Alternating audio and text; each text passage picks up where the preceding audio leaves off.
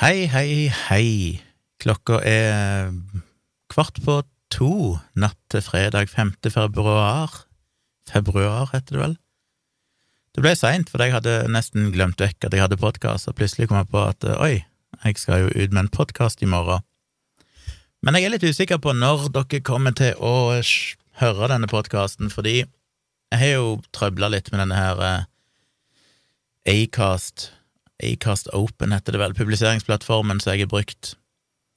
Det var mye bugs der, jeg har vel nevnt det tidligere, jeg får ikke podkasten inn i Google eh, Podcast, eh, han dukker ikke opp i Acast sin egen podkast-app, og det var mye tull, det var dårlig sikkerhet på den Patron-integrasjonen, så jeg tok jo et valg her nå om at jeg bare ditcher hele Acast, flytter podkasten over til der som moderne media holder til, som heter Podspace, og så eh, legger jeg inn alle sånne her Patrion-spesifikke bonusepisodene. De legger jeg bare rett inn på Patrion heller, sånn som i gamle dager.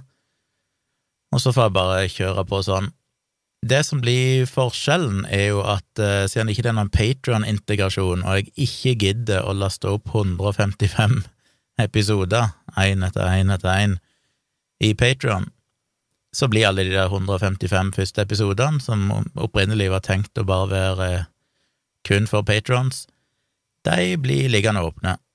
Så dere som hører på nå, kan teknisk sett høre de 155 eh, nyeste episodene som vil dukke opp i podkast-appen deres eller på Spotify. Etter hvert, kanskje allerede når dere hører dette. De 155 første episodene er kanskje ikke så stas å høre.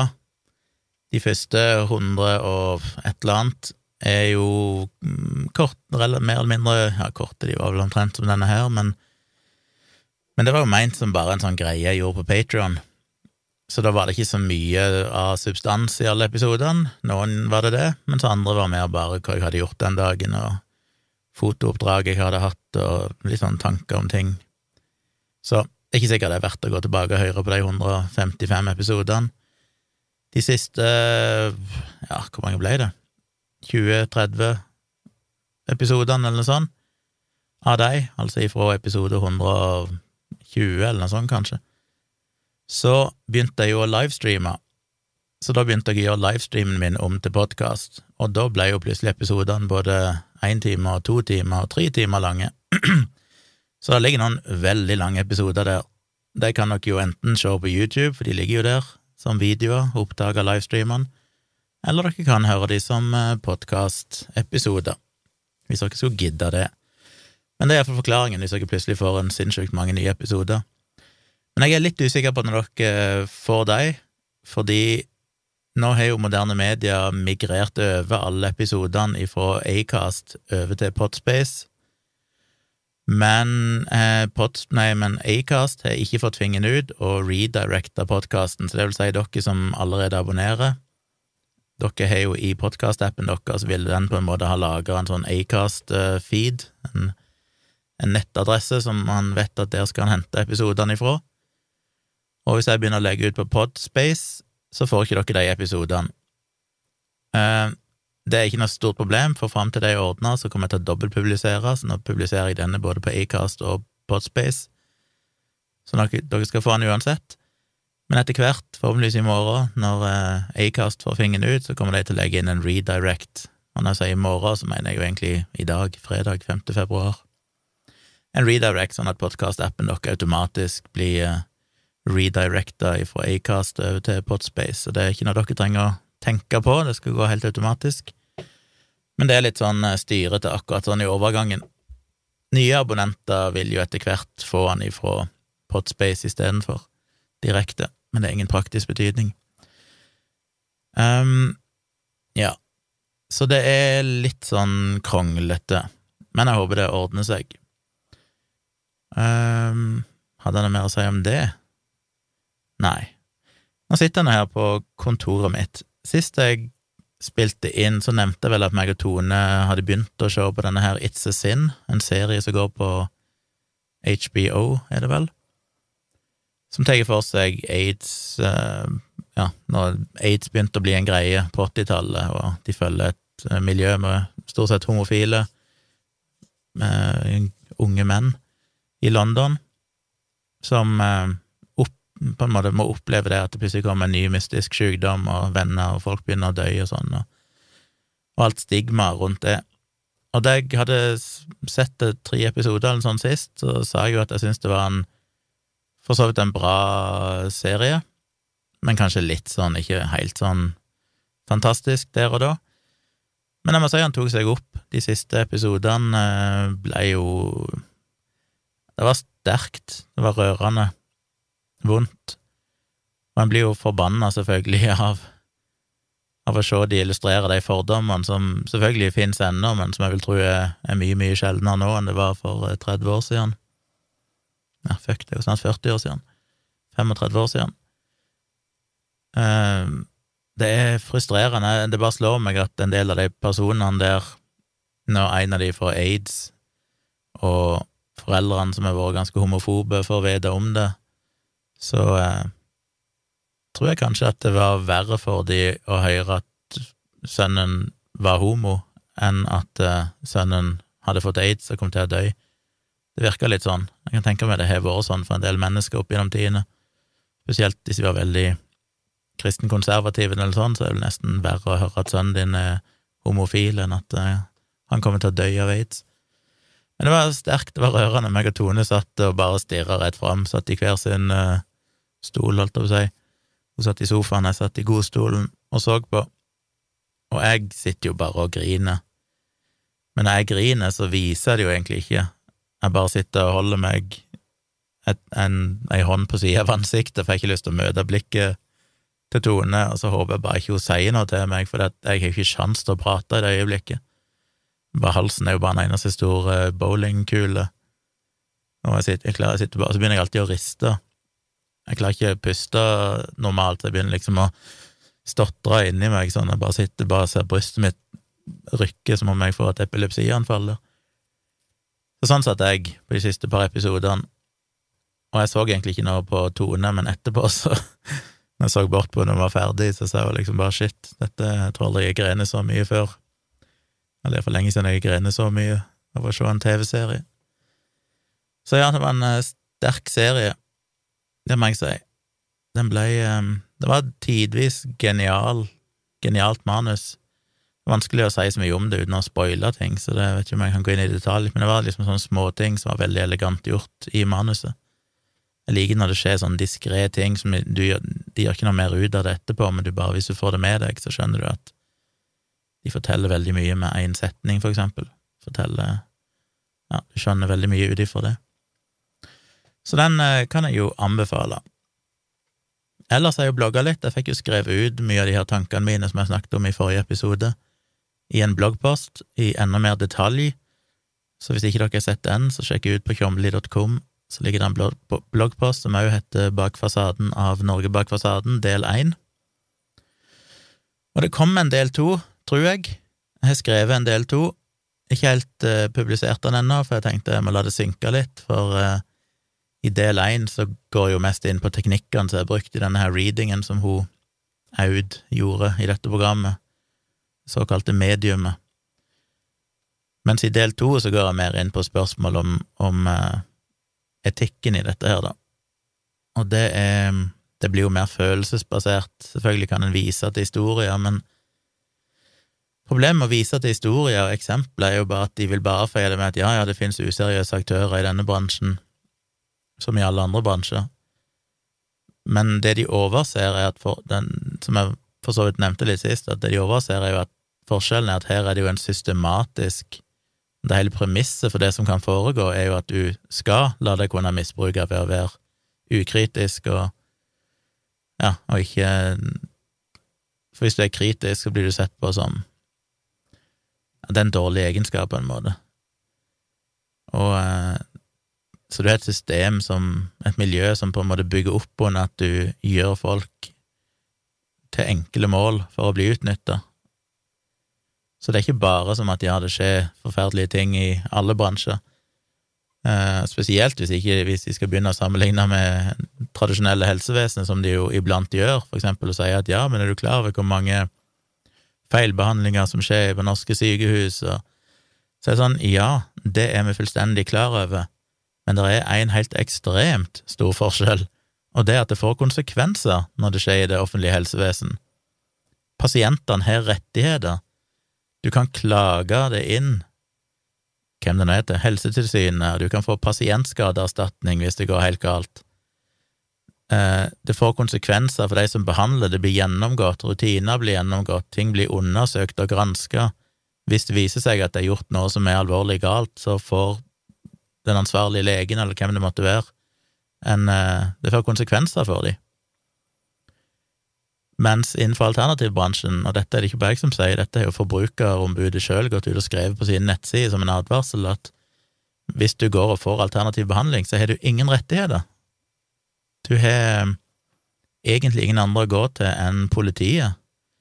Du kan anmelde det, men du kan, det, det, hvis du blir feilbehandla av en akupunktør eller homopat, så kan du ikke klage det inn til noe helsetilsyn eller andre. Ingen, du har ingen rettigheter.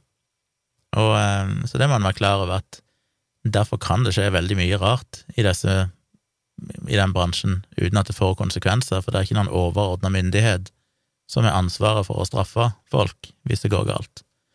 Og du som pasient har altså ingen rettigheter i praksis. Så du kan ikke sammenligne og si at ja, men det skjer feilbehandling og sånn, for at innenfor det offentlige helsevesen så har en jo rutiner for å da forbedre ting. Da ser en på hva som gikk galt, Eh, prøve å endre rutiner, prøve å finne ut om det er legemidler som har uønska bivirkninger. Dette blir gjennomgått systematisk, det er liksom et mål å fange opp ting som kan være problematiske. Mens i alternativbransjen så er det jo i prinsippet ikke det, for hele poenget der er jo at det ikke skal undersøkes systematisk. Hele poenget er jo at dette er tradisjoner som har vært brukt i så og så mange år, og derfor så kan vi ikke gjøre noe med det, liksom. Det er ingenting å si om ikke du kan påvise noen effekt, for at de opplever at det er en effekt. Uh, så det, det, blir bare, det er bare to helt forskjellige verdener. Apropos det, så fikk jeg en uh, Jeg var inne og kikka i spam-innboksen min på Facebook, og jeg har jo fått overraskende lite Overraskende lite hatmeldinger etter den uh, ja, både den eh, etter den eh, covid-filmbloggposten, og etter jeg var med i Norge bak fasaden, og etter bloggposten min om Norge bak fasaden. Så det nesten overrasker meg litt. Det er selvfølgelig ei av de her galningene, ei dame som bare alle blokkerer omtrent. Hun, hun skal ikke nevne navnet, hun går jo helt bananas på Twitter, og hun har jo brukt de siste ti årene på å bare skrive om hvordan hun blir forfulgt, og jeg lurer på hvor mange hundre anmeldelser hun må ha levert inn opp gjennom tidene. Hun anmelder jo i øst og vest og påstår at hun får tilsendt bæsj i posten, og arbeidsgiver blir kontakta. Det er bare en helt sånn Ja, hun er helt, helt komplett gal. Og jeg har jo ikke kommunisert med henne på årevis etter jeg fant ut hvem hun var. Jeg vet ikke om jeg noen gang har kommunisert med henne, men hun prøver jo å pirke i meg hele tiden med å tagge meg og liksom komme inn i kommentarfelt og sånn. Jeg bare ignorerer henne, for jeg vet at hvis du får henne på nakken, så gir ikke hun seg. Da kan hun ødelegge livet ditt. Så jeg fikk jo plutselig beskjed av to-tre folk her i går vel at hun hadde plutselig lagt ut en lang tirade på Facebook-profilen sin om de her pedofilibloggpostene mine, og var ikke måte på, som folk liksom påpekte, og det er sånn, ja, hva skal jeg gjøre med det? Hun har jo sin fulle rett til å mene akkurat hva hun vil med det, det er ingenting hun skriver som bryter med Facebook sine retningslinjer, i prinsippet. Ikke som jeg kunne se, iallfall. fall. jeg tror jeg ikke blokkerte henne på Facebook, så jeg kom ikke inn på det da, men jeg fikk en av de til å sende meg en screenshot eller en PDF av det hun hadde skrevet. Så jeg er sånn, får ikke gjort noe med det, men det er sånn hun holder på. Jeg forsto vel at det var en som sa til meg i dag at nå hadde hun fått mista Facebook-profilen sin, så det er mulig at det er folk som har rapportert henne for et eller annet, og så har hun blitt sperra ute. Som jo egentlig overrasker meg, for normalt så er det jævlig vanskelig å få Facebook til å reagere. Men bortsett fra det så har jeg ikke hørt så mye. Men jeg fikk en eh, melding i spamboksen min i dag fra en dude som skriver på dansk, en mann Jeg har ikke sjekka Facebook-profilen hans, jeg vet ingenting om han, men tenkte bare jeg ville adressere et par av de poengene hans, for det er litt sånn morsomt når folk skriver sånne ting til meg. Uh, han skriver Hei, Gunnar Roland Kjomli. Hva er dine motiver for at gå som målrettet mot alternativ behandling som akupunktur og for tradisjonell medisin? Har du selv erfaret noe og er rett besett satt deg inn i sakene, for eksempel ved at undersøke at vaksiner ikke testes efter gjengse naturvitenskapelige krav, og at man ikke undersøker langtidsfølgerne, og at vaksineprodusenter har sørget for at blive immune rent lovgivningsmessig mot erstatningskrav. Og der er det jo mye unpacka bare der. Først når han spør har du selv erfart noe, altså han insinuerer vel at jeg har hatt en dårlig erfaring med alternativ behandling, og derfor er, jeg liksom, er det en sånn vendetta mot alternativ behandling. Um, det er jeg jo ikke. Jeg har jo Jeg har vel aldri prøvd en alternativ behandling, men jeg har jo blitt forsøkt heala en gang. Det var på NRK Radio, en sånn healer skulle heale en skeptiker. Det skriver jeg jo om i boken min Placebo-defekten. Og det ligger vel også en bloggpost ute om det. Eh, og det funka jo ikke i det hele tatt. Han klarte jo verken å identifisere hvor problemet mitt var, og selvfølgelig heller ikke gjøre noe med det. Det kan dere lese om. Eh, og så har jeg jo blitt forsøkt spådd en gang av ei i bloggen min. I bloggens tidlige år var det i kommentarfeltet som plutselig begynte å skrive at hun kunne Ja, hun var klarsynt og visste diverse ting om meg. Det nevner jeg jo i denne her siste bloggposten min om eh, bakfasaden. Så der ligger det en link til den bloggposten dere kan lese. Den er ganske underholdende. Det var en ganske morsom eh, seanse som foregikk, med diskusjon fram og tilbake mellom henne som jeg skrev ut i en bloggpost til slutt. Men jeg har jo ikke noe erfaring med alternativ behandling, og hvorfor er jeg ikke det? Jeg har jo hatt diverse folk som har utfordra meg og sagt kom her, kom, jeg skal heale deg, så skal du se at det virker og sånn. Men grunnen til at jeg ikke gjør det, er jo fordi at hva i all verden skal det bevise? Det er jo nettopp det hele boka Placebo-defekten handler om, det er jo det at teknisk sett så kan jeg oppleve at det fungerer mot et eller annet. Eh, det kan være jeg føler meg bedre, kanskje jeg føler meg mer opplagt etterpå. Det betyr jo ikke at den behandlingen i seg sjøl virker. Den betyr i beste fall, ofte så er, jo, er det jo ikke noen effekt i det hele tatt, det er bare at du ja, hvis du har smerter eller et eller annet sånt, så vil du som regel gå i bølger, og hvis du da føler deg bedre samme dag eller dagen etterpå eller uke etterpå, så vil du fort tenke at oi, det er kanskje grunnet effekt, denne behandlingen. Og folk oppsøker ofte behandling når de er på sitt eh, dårligste, når de er mest desperate, og da går det som regel bare bedre etterpå.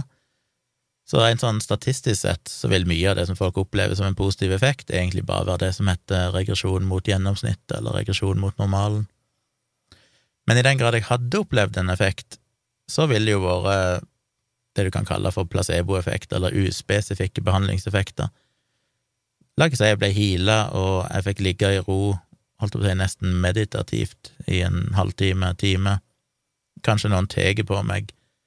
den beroligende tilstand. Jeg opplever å bli sett og hørt, og opplever sympati, og liksom alle de der effektene, vi vet jo at det kan være positivt, det kan redusere stress, det kan redusere frykt og angst, og det har positive effekter. Og derfor så er det ikke sånn at hvis du går til alternativ behandling, så virker det ikke under noen omstendigheter. Det kan virke å gå til en alternativ behandler, men det betyr ikke at den alternative behandlingen virker. Som jeg har sagt i en del andre sammenhenger, det kan være at det, virker å gå og få homopatisk behandling, men det betyr ikke at homopati virker. Det er alle de uspesifikke behandlingseffektene, altså alt som er rundt, som har en effekt. Så det ville jo være revnende likegyldig for meg, jeg er jo fullstendig klar over det, så hvis jeg hadde gått og fått akupunktur og følte at oi, der forsvant, gudene vet hva det skulle være, en eller annen smerte jeg hadde, eller noe sånt, så demonstrerer jo ikke det noen ting. Jeg ville ikke dermed ha sagt at oi, nå tror jeg at akupunktur virker, fordi at jeg følte meg bedre dagen etterpå. Jeg vet jo hvordan disse tingene fungerer. Jeg vet hvordan menneskelig psykologi er, hvordan vi leter etter mønster og finner årsakssammenhenger som ikke er der, og hvordan stressreduksjon virker på kroppen, og det, det er jo grunnen til at jeg har skrevet ei bok om dette. Så det det betyr ingenting. Så nei, jeg har ikke hatt noen dårlige eller gode erfaringer med alternativ behandling. Grunnen til at jeg er opptatt av det, er jo bare fordi at jeg ikke liker at folk kommer med påstander som ikke er sanne, jeg ønsker å å sjekke hva som er sant og ikke sant, og prøve å finne ut om det er noen poenger de har, eller om det bare er løgn, eventuelt hvorfor det er løgn, og prøve å forklare det til folk, og forhåpentligvis drive litt folkeopplysning, og ikke minst prøve å lære meg mer sjøl, for jeg synes det er interessant. Drikke litt Cola Zero her som vanlig.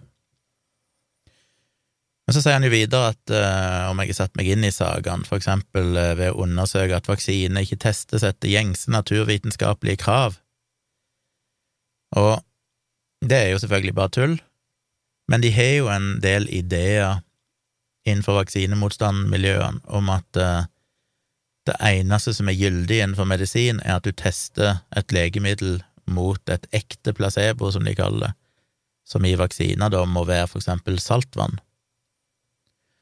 Og det morsomme er jo det at det, eh, det var vel en som uh, skrev på Twitter, ble en debatt der i høst, uh, som påpekte det, liksom, at Pfizer-vaksinen var ikke testa med ekte placebo. Nei, det var vel den der Fritt vaksinevalg, var det, ja. Den der brosjyren for Fritt vaksinevalg som jeg skrev en bloggpost om før jul en gang, eller hva tid det var. Der de jo påpekte det at det ble ikke testa mot ekte placebo, og så er det litt morsomt, da, for når du går inn og sjekker akkurat Pfizer-vaksinen, så ble jo den faktisk testa mot saltvann. Så det ja, litt bommert på det argumentet. Men det er ikke alle vaksiner som blir det, og grunnen til det er jo at det ofte ikke gir så mye mening. Hvis du for eksempel har en vaksine, la oss si du skulle teste en ny eh, meslingevaksine. Vi har jo meslingevaksine som er en del av MMR-vaksinen, som har vært i bruk siden i Norge ble den vel tatt i bruk i 1980 tre, tror jeg. Eh, den har vi brukt i snart 40 år. Den har vist seg å være dønn trygg. Aldri vært noen ja, Folkehelseinstituttet mener vel de har registrert én alvorlig bivirkning i løpet av de 40 årene. Eh, den er veldig, veldig effektiv, varer livet ut. Det er ingenting å på en måte diskutere, at den, er, den gir lite bivirkninger av de ufarlige typene, og som sagt praktisk talt ingen alvorlige bivirkninger og har god effekt og varer lenge. Så hva mer kan du be om? Vel, da kunne jeg si at de kom med en ny meslingvaksine og ville teste ut den. Um, hva er det egentlig du vil finne ut, da? Det du ønsker å finne ut, er jo ikke om man virker bedre enn saltvann, fordi det ville vært fullstendig uetisk. Du kan ikke ta, ja, la oss si 20 000 eh, barn og vaksinere dem med saltvann, sånn at du plutselig får en svær del av en hel, ja, flere tusen unger som plutselig da ikke er beskytta mot meslinger fordi de er med i en studie. Det går ikke an, det vil være fullstendig uetisk, og det er en del av den Helsinki-konvensjonen, eller hva det heter, som jeg vil skrive om i placebo-defekten, som på en måte setter kriterier som et slags regelverk eh, for hvordan du skal håndtere vitenskapelige studier med blant annet mye regler om dette med placebo, at du kan ikke gi folk placebo hvis du utsetter dem for en risiko, unødvendig risiko. Eh, så hvis det finnes et legemiddel allerede, eller en vaksine allerede, som er effektiv, så har alle krav på å få den. Så det ville vært uetisk. Men en annen ting er jo at det er jo ikke så veldig interessant å se om det er flere bivirkninger enn eh, saltvann, for eksempel. Det vi ønsker å se, er jo er det flere bivirkninger enn den vaksinen vi allerede har. Så i en sånn studie så ville en ikke ha testa det mot et placebo, du ville kanskje ha testa det mot den eksisterende meslingevaksinen, for å sjekke om eh, For at effekten vet vi er der, den er jo veldig god, den vaksinen som er, så eventuelt i det tilfellet måtte det bare være for å se om du fant noe som ja, kanskje hadde enda færre av de milde bivirkningene, eller sånt, og da må du på en måte teste det mot det beste som er på markedet nå, men, og det, jeg har jo skrevet litt om dette i den bloggposten om Fritt vaksinevalg, og der lenker jeg òg til ja, flere artikler vel som forklarer ganske detaljert alle andre måter det er å finne ut eller teste ting på i sånne fase tre-studier, for eksempel, uten at du nødvendigvis må teste det mot et placebo, og at et placebo ofte ikke er det beste valget uansett. Men det er litt sånn typisk at vaksinemotstanderen de kan veldig lite om de her tingene, og det er ikke bare noe jeg sier, det er studier som viser at jo mindre folk vet om vitenskapelig forskning, jo større sjanse er det for at de er kritiske til vaksiner, for eksempel. Jo mindre folk vet om hvordan eh, legemidler blir regulert, jo mer kritiske er de til vaksiner og kanskje skolemedisin generelt sett. Så dette handler jo primært om kunnskapsmangel. Um, så de har på en måte plukka opp et fragment av sannhet de har liksom skjønt at å ja, det er noe som heter placebo, når du tester medisiner, så har du ei kontrollgruppe. Og det er liksom Lenger enn det har det ikke kommet. Og hvis det er noe da som avviker fra det, den enkle tesen som de har lært seg, så kan de på en måte bruke det som et argument og si at ah, dette blir ikke gjort skikkelig, dette er juks, her ser du, vaksineprodusentene prøver å jukse, de følger ikke vitenskapelig metode. og jeg må jo bare le, for det er sånn åh, her sitter det noen folk som er totalt inkompetente, som har lært seg én bitte liten ting og hørt at oi, det er noe som heter kontrollerte studier, og derfor halvparten eh, placebo. Og så har de på en måte gjennomskua systemet, da. De gjennomskua alle de titusenvis av forskerne som jobber med dette, som er lange utdanninger i dette, som sitter og gjør intrikate statistiske analyser og ser på historikken og, og vet at ja, og vet hva de må gjøre for å finne de beste dataene, vet hva som er både etisk og uetisk, vet hva, hva de trenger av data, og det er som sagt da absolutt ikke nødvendigvis å teste det mot placebo. Så det er vel det han mener, tror jeg. Jeg tror ikke det er noe annet av eh, naturvitenskapelige krav de kan mene at disse testene ikke tilfredsstiller, men som sagt, det er jo bare bullshit. De følger jo de strengeste vitenskapelige krav, og som sagt, med Pfizer-vaksinen så var det jo faktisk saltvann det ble sammenligna med. Eh, og så skriver han at man ikke undersøker langtidsfølgende, og det er jo bare feil. Det gjør det jo. På de fleste vaksiner så har de jo lengre oppfølgingstid enn det de har hatt med disse pandemivaksinene, selvfølgelig, fordi en pandemivaksine per definisjon må godkjennes fort. Fordi når det dør 100 000 mennesker om dagen av covid-19, så er det et veldig sært scenario om du skulle klare å lage en vaksine som i de to–tre månedene han ble testa og viste seg å være helt trygg, plutselig skulle vise seg å drepe mer enn 100 000 mennesker om dagen. Og gjør det ikke det, så um, ja, så er i utgangspunktet vaksinen bedre uansett enn å ikke vaksinere, fordi covid-19 tar som sagt 100 000 liv om dagen. Så det blir litt sånn misforstått. Men til og med disse covid-vaksinene har jo en oppfølgingstid. Det er jo det de ofte kaller for en uh, post-marketing surveillance, eller fase fire-studie.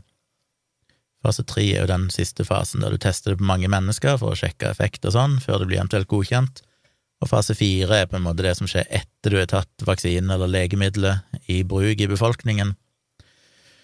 Og de her covid-vaksinene har jo bare fått en sånn betinga godkjenning, altså de er godkjent innenfor visse aldre og i, så lenge pandemien varer, holdt jeg på å si. Jeg husker ikke helt hvor, hvor betingelsene er der, men det er på en måte ikke en godkjenning som, eller som gjelder for alltid.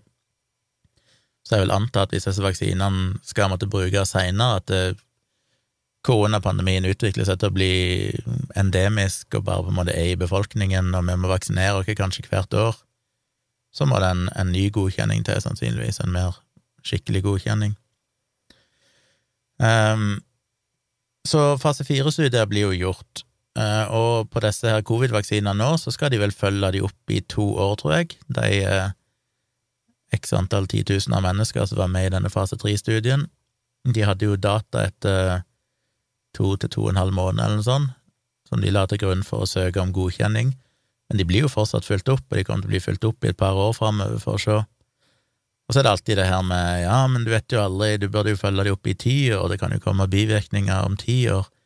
Det har de jo historisk sett aldri gjort med vaksiner, og det fins på en måte ikke noen saklig biologisk grunn til at det skulle skje, at du skulle få en, en bivirkning ti år seinere. Og så er det andre rent sånn pragmatisk at hvis du setter det kravet, så kan vi jo aldri ha en pandemivaksine, for det vil jo selvfølgelig være helt meningsløst å vente i ti år før han blir godkjent. Så men uansett, det er iallfall feil at ikke det blir fulgt opp. Vaksiner generelt sett blir jo testa lenger, og til og med etter de er tatt i bruk, så blir de undersøkt nøye for å se om det dukker opp noen ukjente bivirkninger.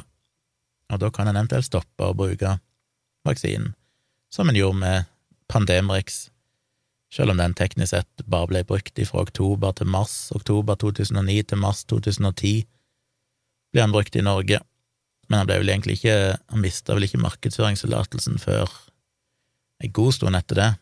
Jeg lurer på om det var ikke, var ikke før i 20 Var det så seint som i 2015, eller sånn? Iallfall, men alle hadde jo slutta å bruke den lenge før det.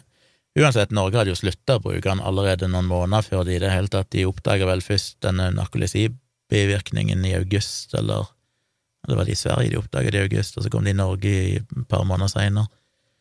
Men iallfall, på det tidspunktet de oppdaga det, så hadde de jo allerede slutta å bruke den i mange måneder, fordi det var ikke noe behov for det lenger, så det var sånn sett ikke noen sammenheng der. Så det skjer jo av og til. Og som jeg har sagt tidligere, som jeg vel skrev i en bloggpost her for en stund siden, så, så er det jo litt paradoksalt at det er jo eh, det er et par sånne vaksiner som har blitt trukket tilbake tidligere, det er sikkert flere, men to som jeg kom på, som hadde ført til autoimmune sykdommer. Men i alle de tilfellene, eller i begge de tilfellene, så var det jo mye større sjanse for å få den samme autoimmune sykdommen hvis du faktisk ble smitta av det viruset som vaksinen beskytter imot. Så teknisk sett, ved å trekke tilbake vaksinen, så gjør det jo bare folk mer utrygge, men allikevel så gjør de det, for du kan på en måte ikke akseptere at vaksinen i seg sjøl gjør det. Vi godkjenner det jo til en viss grad, sånn som influensavaksinen, som kan øke risikoen bitte, bitte, bitte grann. En sånn fire til sju per million vaksinerte kan få Guillain-Barré-syndrom, og så er det omtrent ti ganger så mange som får det hvis de får influensa. Eh, der godkjenner vi fortsatt å bruke vaksinen, for det er vel fordi det er såpass sjeldent, og risikoen er såpass mye større av å få influensa at du, du ser at det, her er det greit. Men i tilfeller der det fortsatt er kanskje tre-fire ganger større sjanse for å få samme sykdom hvis du får sykdommen du blir eh, vaksinebeskyttet imot, så kan det fortsatt være at de trekker tilbake vaksinen, så det er, det er jo veldig strenge krav. Og så kommer det jo med den gamle klisjeen om at vaksineprodusentene sørger for å bli immune rent lovgivningsmessig mot erstatningskrav, og det er jo en sannhet med modifikasjoner. Jeg går jo litt i surr hva jeg snakker om her i podkasten før, og hva jeg snakker om i livestream og sånne ting, men jeg har iallfall snakket om det i livestream, men det er jo sikkert ikke så mange som har fått med seg det, så kan jo rante bitte grann om det her, og det er jo det at Jeg skrev vel om det i bloggen òg for en tid tilbake, i den der Fritt vaksinevalg-bloggposten, men det så utrolig lite gjennomtenkt, det argumentet, fordi alternativet til at, at disse legemiddelprodusentene, eller vaksineprodusentene, som da i en sånn pandemisituasjon, og en del andre vaksiner kan få overført eh, erstatningsansvaret til staten og i Norge så skjer det da gjennom Norsk pasientskadeerstatning. Hvis de ikke hadde gjort det, så betyr jo det at hvis du får en vaksineskade, så må du teknisk sett gå til søksmål eller noe sånt mot vaksineprodusenten, og hvis det da er Pfizer eller eh, GlaxoSmithKline eller noe sånt, milliardbedrifter, så, så er nok det ganske krevende. Eh, og da må du inn i en en eh, rettssak der jeg vil anta vel at du opererer med vanlig bevisbyrde, altså du må på en måte bevise at du er blitt skada. Bevisbyrden ligger på deg. Det de har gjort i Norge og USA og de fleste land, vel, er at de flytter det over til staten, og så opererer de med omvendt bevisbyrde, sånn at i Norsk pasientskadeerstatning så er det jo Norsk pasientskadeerstatning, altså staten, som må kunne vise med overveiende sannsynlighet at det er noe annet enn vaksinen som skader deg.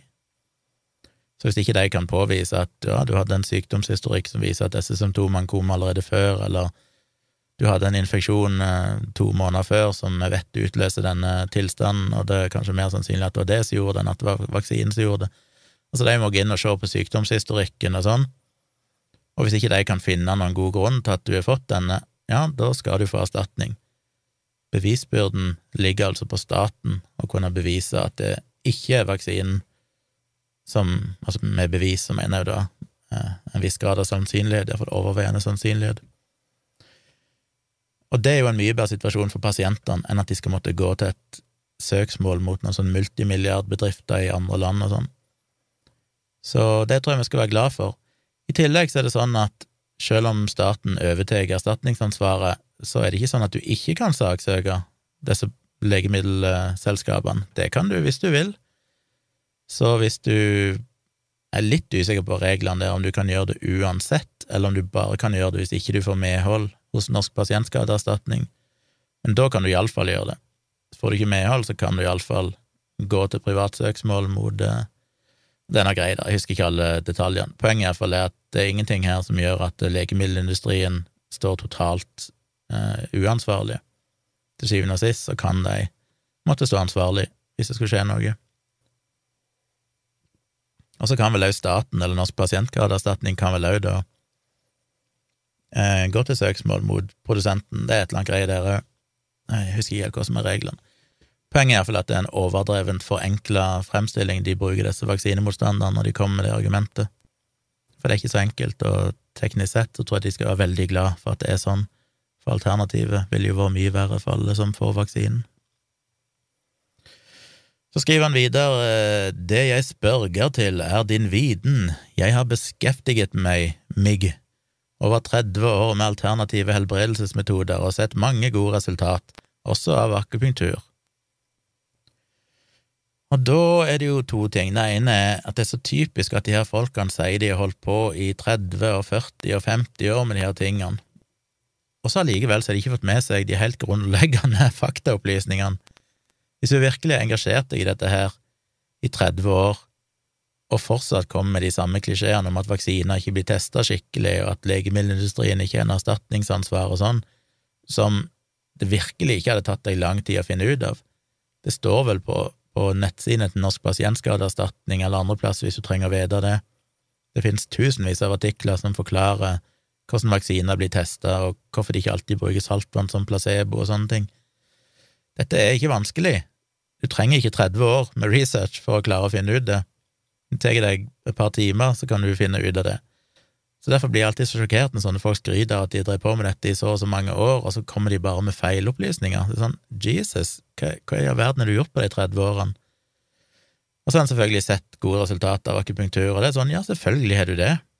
Det, igjen, det er ingen som sier at ikke det er folk som føler seg bedre etter å ha fått akupunkturbehandling, men det vi diskuterer, er om det er en spesifikk effekt av å stikke nåler i spesifikke akupunkturpunkter eller om det er andre ting som egentlig gjør at de føler seg bedre, i den grad de gjør det. Man må jo huske at en betydelig andel får ikke noe effekt av akupunktur. Jeg skrev en bloggpost om det for noen år siden, der jeg baserte meg på data ifra Norsk akupunkturforening sin egne hjemmeside, hvis jeg husker rett, der de hadde gjort noen undersøkelser blant norske, eller blant nordmenn som hadde fått akupunkturbehandling, og jeg husker ikke helt tallene men det var iallfall eh, bare en mindre del av de som hadde prøvd akupunktur, som hadde lyst til å prøve det igjen, viser de dataene. Og det er jo ikke noe godt tegn. Hvis det er et flertall som prøver det, og så tenker de nei, dette her gidder jeg ikke prøve en gang til, så virker det ikke som å være så veldig overbevisende behandlingsmetode, og dette var altså deres egne data, deres egen undersøkelse. Så ja, selvfølgelig vil du se noen som påstår at de har fått god effekt av akupunktur, men det er jo nettopp fordi ja, alle disse mekanismene jeg beskriver i placebo-defekten, det er de som spiller inn. Så fortsetter han eh, Det jeg spørger til, er som sagt din faktiske viten og din motivasjon for at sverte det alternativet til, mens du støtter allopatisk behandling. Ja, motivasjonen min er jo ikke å sverte det alternativet, motivasjonen min er å prøve å forklare hva som er rett og hva som er galt. Og hvis da de alternative alltid kommer med påstander som er feil, så er det jo deres ansvar hvis de føler seg sverta av at jeg korrigerer de og peker ut deres feil.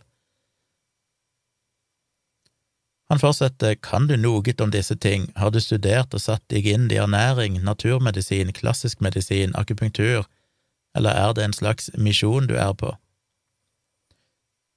eh, ja, jeg har jo satt meg inn i de tingene, det skal jeg komme tilbake til. Kjenner du de reelle tall for de epidemier av autisme, autoimmune sykdommer, astma og allergier som vi har i verden, og deres mulige sammenhenger med diverse vaccinations-programmer? Nei, vaksinasjon, som var dansk. Ja, det kjenner jeg veldig godt. For det første så er det ikke noen epidemi av autisme, for eksempel. Det er vel neppe noen epidemi av autoimmune sykdommer. Eh, astma har jeg vel aldri satt meg inn i å sjekke.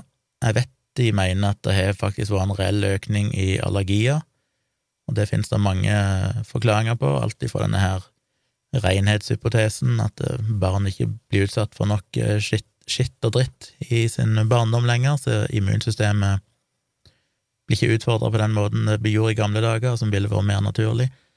Jeg skrev vel, jeg tror jeg skrev en bloggpost om det en gang, der jeg prøvde å gå inn og finne ut hva det som egentlig gjør at eh, Eller først om det egentlig var sant. Fordi sånn som autisme og ADHD og sånn, så ser det ikke ut til å faktisk være reelt at det er en økning, det handler jo bare om at du har fått mye mer utvida diagnosekrav, og det er mye mer fokus på det. Jeg mener det som en kaller for autisme, er jo i dag veldig mye mer enn det det kanskje var for 30 år siden. Og når du utvider diagnosekriteriene, så er det klart du fanger opp flere og flere personer, og så blir det flere og flere som får den diagnosen, og så ser det ut som det er en økning. Men det er det jo ikke. Det er ikke noen reell økning, og dette er jo blitt forska på, der en prøver å finne ut liksom, er det en reell økning eller er det bare mer registrering av diagnosen? Og for autisme ADHD og sånn, så ser det ut til at det er ganske gjengs enighet, eh, både i USA og andre land og Norge, at det ikke ser ut til å være noen reell økning i dem. Det er ikke noen gode data for det, iallfall. Men én ting vi kan være ganske sikre på, er at det ikke er noen sammenheng med vaksinasjonsprogrammene, iallfall. For det har det blitt gjort eh, lange og gode studier på, ikke minst på autisme, selvfølgelig, etter Andrew Wakefield og alt det der som skjedde i de var det 99-2000, da han hevda at det var en sammenheng mellom MMR-vaksinen og, og, autisme, så har det jo blitt gjennomført mer enn 150 gode, store studier som en sammenligna uvaksinerte med vaksinerte og sånne ting, for å se om det er mer autisme blant vaksinerte og sånn, og alle studiene er jo enige om at eh, de finner ikke at det er noen sammenheng, og de gir jo ikke noen mening at det skal være noen sammenheng heller, spesielt ikke fordi det er mye som tyder på at autisme utvikler seg allerede på fosterstadiet, og da ville det være rart om en vaksine du fikk når du var halvannet år gammel, for eksempel, skulle være det som hadde tilbakevirkende kraft og påvirka deg i uh, mors liv. Så dette vet vi temmelig godt. Jeg viser jo ofte òg til denne her uh, ja, Så lenge siden jeg har skrevet om han at jeg skal ikke gå heter, men en tysk studie i hvert fall, som fulgte ganske mange tyske unger fra de var små og helt opp til de ble voksne, og sammenligna da de som var vaksinert med de som ikke var vaksinert, for å se om de som var vaksinert, på en måte fikk svekka immunforsvaret sitt, eller noe sånt, som er en sånn klassisk påstand. Eh, men det var det jo ingen tegn på. De hadde jo ikke noe mer allergier, de hadde ikke noe mer autoimmune sykdommer, de hadde ikke noe mer um, infeksjoner og sånne ting. Tvert imot så var det jo selvfølgelig sånn som en forventer, at de som ikke var vaksinert, var jo de som hadde mest sykdom, for de måtte jo i stor grad gjennomgå de barnesykdommene som de vaksinerte slapp. Så dette er det jo forska på, så det er et spørsmål som er ja, godt besvart. Så skriver han er dine argumenter virkelige og saglige, eller bygger de bare på fordommer? Ja, hvis han hadde lest det jeg skrev, så ser han jo at det er kildebelegg alt jeg skriver, det er ikke noe jeg bare dikter opp, det er jo ting jeg faktisk kan underbygge, både med argumentasjonen i tekstene mine og i eh, faktaopplysningene jeg lenker til. Vet du for eksempel hva eksperimentell bakteriologi er, og kjenner du epidemiolo epidemiologiens historie? Nei, ikke 100% selvfølgelig, jeg er ikke noen ekspert på det, men eh, ja, jeg har lest ganske mye om historien til moderne medisin og alternativ medisin, for jeg har tross alt skrevet ei bok om det. Vet du hvordan dette sykdomsbildet i forhold til den kliniske medisin har påvirket våre dagers helseoppfattelse? Ja, det har jeg jo skrevet ei bok om, som sagt. Så iallfall, det var det han skrev. Så svarte jeg han bare ganske kort. Jeg skrev hei, jeg har skrevet flere hundre artikler og to bøker om disse tingene. Jeg kunne selvfølgelig lekse opp at jeg har holdt 130 foredrag, blant annet for Legeforeningen og universiteter og nordiske helsemyndigheter i Sverige to ganger, og medisinstudenter både i inn- og utland alt det der. Verdens helseorganisasjon har brukt meg i en, i en europeisk kampanje for vaksiner. Ja, det er mange grunner til at han, hvis han hadde sjekka litt, burde ha visst at jeg satt ikke bare og dikta opp ting. Men så fortsetter jeg. Nesten alt du ramser opp i meldingen her, er feil. Det skremmer meg hvis du har brukt 30 år på dette og ikke har klart å samle korrekt informasjon. Jeg vil anbefale deg å lese min bok Placebo-defekten, og så hører jeg gjerne hva du tenker. Så fikk jeg svar fra han. Hei, Gunnar Roland. Takk for at du tok deg tid til å svare. Hilsen Lars. jeg gikk lufta litt ut av ballongen, plutselig. Eh, jeg følte meg liksom skuffa. Det var sånn hadde regna med han skulle begynne å motargumentere, eller at han hadde et eller annet å komme med, men det var liksom bare 'takk for svar'. Ok. Da følte jeg liksom eh, ikke helt at jeg vet hva han Ja, jeg skjønte ikke helt hva som egentlig skjedde der, men eh, det var noe så.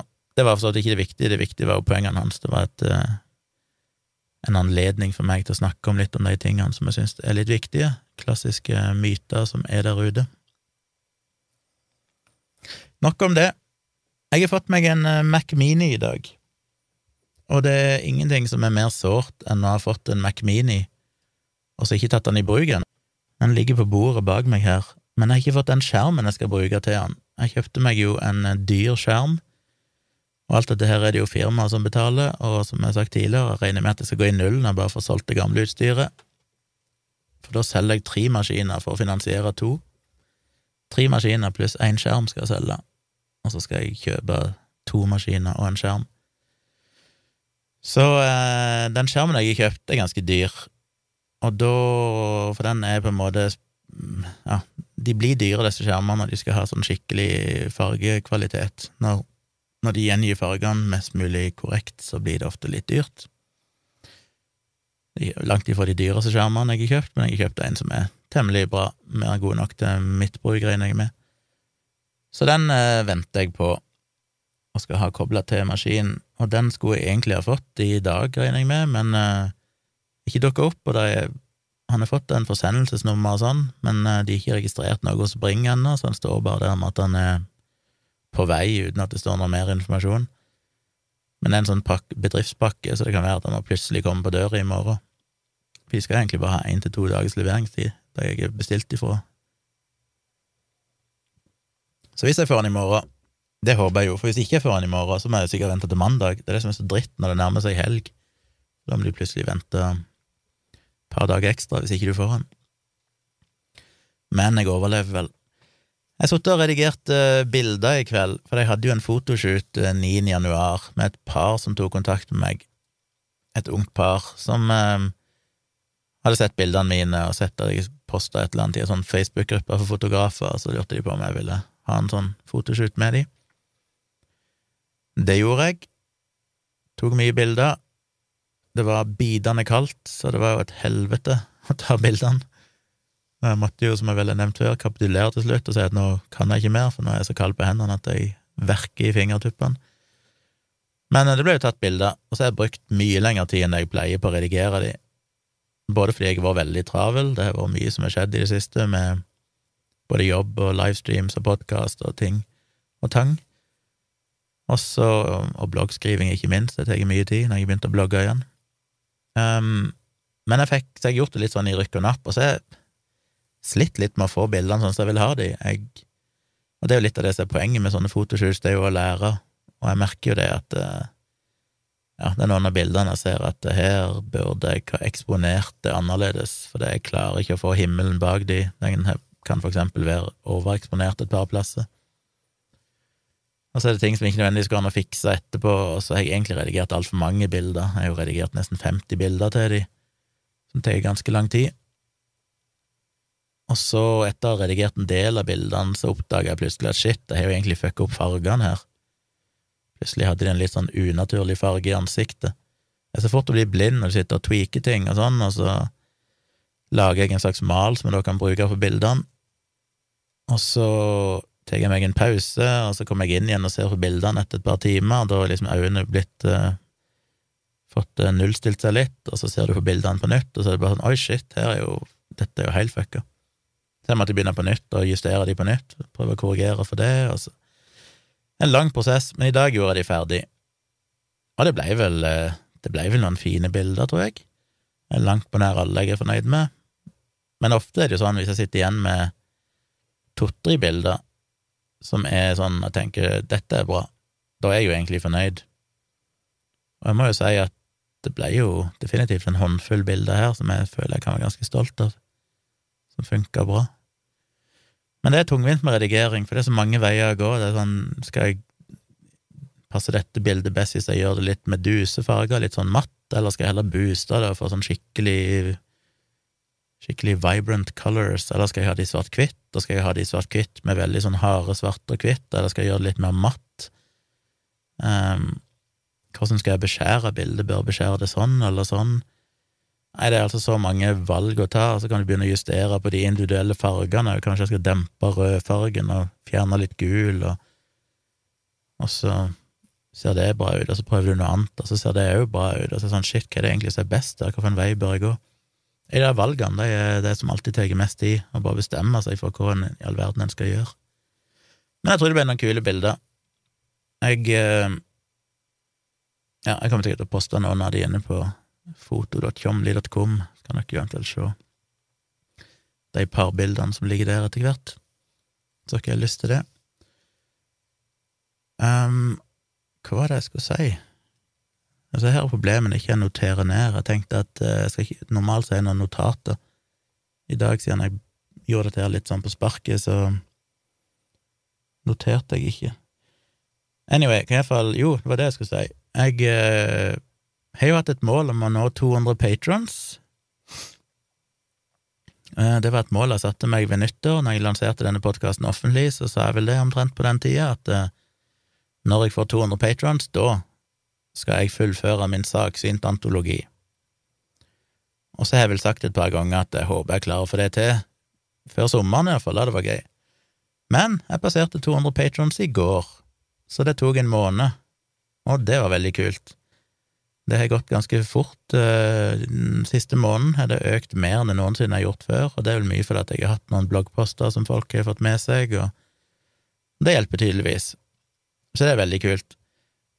Riktignok er jo Patron litt vanskelig, for det er jo basert på at du betaler månedlig, altså du legger inn eh, enten PayPal eller bankkortet ditt, eller sånn, og så blir det trukket ved månedsskiftet. Men hvis kortet ditt er utløpt, som det jo gjør annethvert år, så funker ikke det. Og da er det av da, Jeg har jo ikke prøvd dette her sjøl, for jeg har ikke vært i, i, den andre enden av systemet, men jeg regner jo med at de da får en mail som sier at we try to uh, renew your subscription, holdt på å si, your support, et eller annet sånt. Um, But we had problems processing the credit card, et eller annet sånt. Og så må de da eventuelt gå inn og oppdatere det med nytt eh, bankkort, eller hva det måtte være. Pluss at det kan være folk som ikke har dekning på konto akkurat da, det kan være forskjellige ting.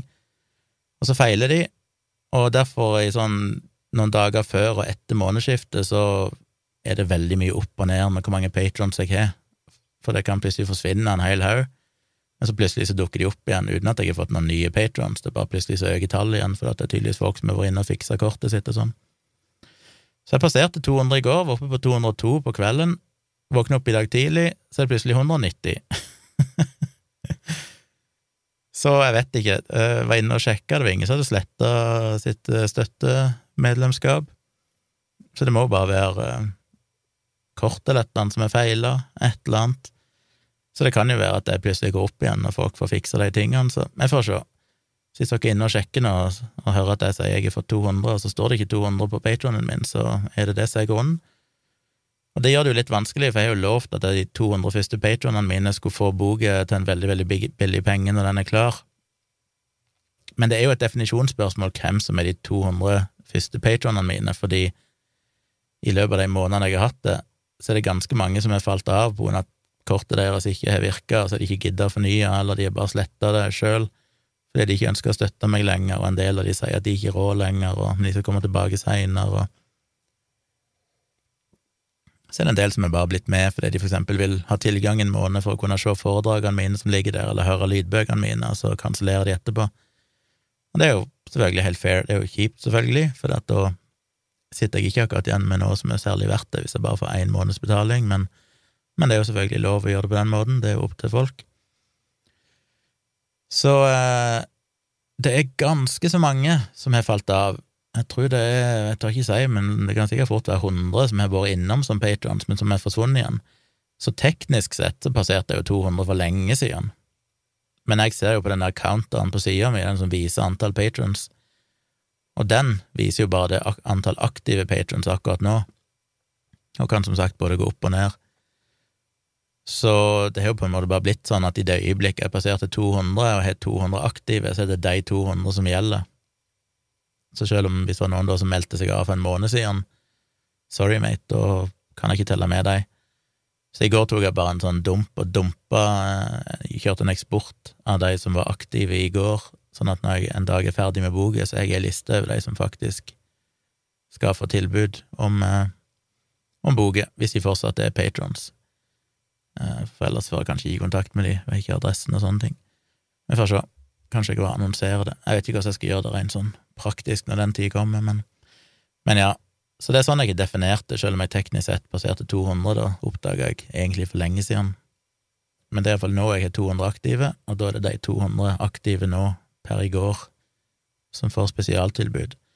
Og alle som blir patrons framover, de får jo òg en rabatt, for alle som er patrons, får jo rabatt på ting jeg gjør. Så det er ikke bortkasta å bli patron selvfølgelig nå heller, selv om du har passert 200. Og hvis du går inn og tenker at øy, jeg skal bli eh, blant de første 200 fordi jeg står under 200, så er det for seint. Jeg er egentlig passert 200 allerede, altså. Men dere får tilbud uansett, og det ligger jo an snacks der inne, som sagt. Vi kjører jo, Jeg kjørte jo denne livestream med, med Didrik Søderlind. Den eh, har jeg ikke rukket å redigere ennå, men det er jo sånne ting som kommer i framtida òg, at hvis dere er patron, så får dere se ting live og ei stund før alle andre. Så kan det være jeg legger ut redigerte versjoner seinere. Så for dere som eh, hører dette og er en sånn siste public information Siden det var litt krøll med podkasten min, så er det altså sånn nå at eh, du finner bonusepisodene inne på patronen min og lydbøkene. Og de kan du enten da spille av rett i nettleseren hvis du er inne på en datamaskin og logger inn på patron.com slash tjomli, så finner du de der, kan bare trykke play, eller du kan bruke Patron-appen på mobilen din. Der kan du også spille av de episodene rett ifra Patron-appen. Men hvis du helst vil ha de i podkast-appen din, så kan du gå inn på Hvis du går inn på Patron, enten på nett eller i appen, så kan du klikke deg inn på din profil, eller min profil, og så et eller annet der sted der, så står det sånn my RSS-URL eller RSS-feed eller noe sånt. Klikker du på den, og så får du en en lang webadresse som du kan kopiere og lime inn enten i søkefeltet på podkastappen din, eller du kan trykke på add podcast, og så kan du prøve å legge den inn der. Og da får du alt det som kommer i Patron, inn i podkastappen din. Det vil da se ut som en helt separat podkast som heter Tomprat, og så står det Patron i parentes. Så hvis du abonnerer på denne offentlige podkasten via Spotify eller hvor som helst du er, så heter den jo Tomprat med Gunnar Kjomli. Men så kan du i tillegg da legge til din unike Patron-podkast-URL som du finner under min profil inne på Patron, og da får du en annen podkast som kun inneholder bonusepisodene, så der er det jo ikke så mange episoder, men der får du det som dukker opp etter hvert. Og den holder jeg styr på om du har tilgang til lydbøkene mine, eller om du bare har tilgang til bonusepisodene av podkasten og sånne ting. Det skjer automatisk når du bruker din personlige RSS-URL som du finner under min profil i Patron. Så det er litt sånn eh, styrete, men hvis du ikke orker å forholde deg til det, så kan du bare spille de i podkast, nei, i eh, Patron-appen, så slipper du å tenke på noen RSS-feed og alt det der eh, tekniske greiene. Og har du spørsmål, så er det bare å sende meg en mail på tompratpodkast at gmail.com. Podkast med C, altså. Tompratpodkast i ett ord at gmail.com. Alt av tips og spørsmål, enten det er spørsmål om ting du vil jeg skal snakke om, eller tekniske spørsmål, eller hva det er, bare kjøre på, send meg mail. Og igjen, takk for veldig hyggelige kommentarer inne på iTunes, setter jeg veldig pris på. Jeg håper fortsatt at flere har lyst til å gå inn og gi meg fem stjerner, hvis jeg, fortjener det, og skrive en hyggelig kommentar. Det har veldig mye å si for å få spredd podkasten min ut, få den uh, tilgjengelig for flere. Og i løpet av noen få dager nå så burde jo podkasten min omsider bli tilgjengelig på eh, Google Podcasts og, og, sånne ting, og i Acast-appen og alt det der styret. Så jeg håper at ting skal ordne seg, sånn at alle finner podkasten min framover. Slipper jeg å tenke mer på det. Det var vel det jeg hadde å si, jeg har holdt på ganske lenge nå. Så det ble en episode, det òg. Takk igjen for at dere hører på. På eh, lørdag 6. februar så kjører jo meg og Tone et MGP nachspiel på kvelden, livestream inne på YouTube, åpen for alle som vil se. Så eh, litt over klokka ni, kvart over ni eller noe sånt på kvelden, etter at delfinalene er ferdig, så kan ikke logge inn der på YouTube, tvilsomt med Tjomli, altså, på YouTube, og da finner dere en livestream der meg og Tone sitter og prater litt, uh, først om bidragene, og så sitter vi og snakker litt med dere i chatten og svarer på spørsmål og diskuterer ting. Og på søndag klokka åtte på kvelden, søndag, eh, hva blir det, 7. februar, så kjører jo meg og Tone vår første livestream der vi spiller inn eh, Virkelig grusomt, podkasten. Og da skal jeg altså fortelle Tone en ganske grusom historie, og dere kan følge med live når det skjer. Og den dukker jo opp som en vanlig podkast på mandagen, hvis dere abonnerer på den. Så det var vel de tingene jeg skulle minne dere på i denne omgang. Så ja. Da er jeg tilbake igjen over helga på tirsdag vel med en ny episode. Sjekk ut tjomli.com for å lese de nyeste bloggpostene, og blir veldig glad for at dere deler dem med andre.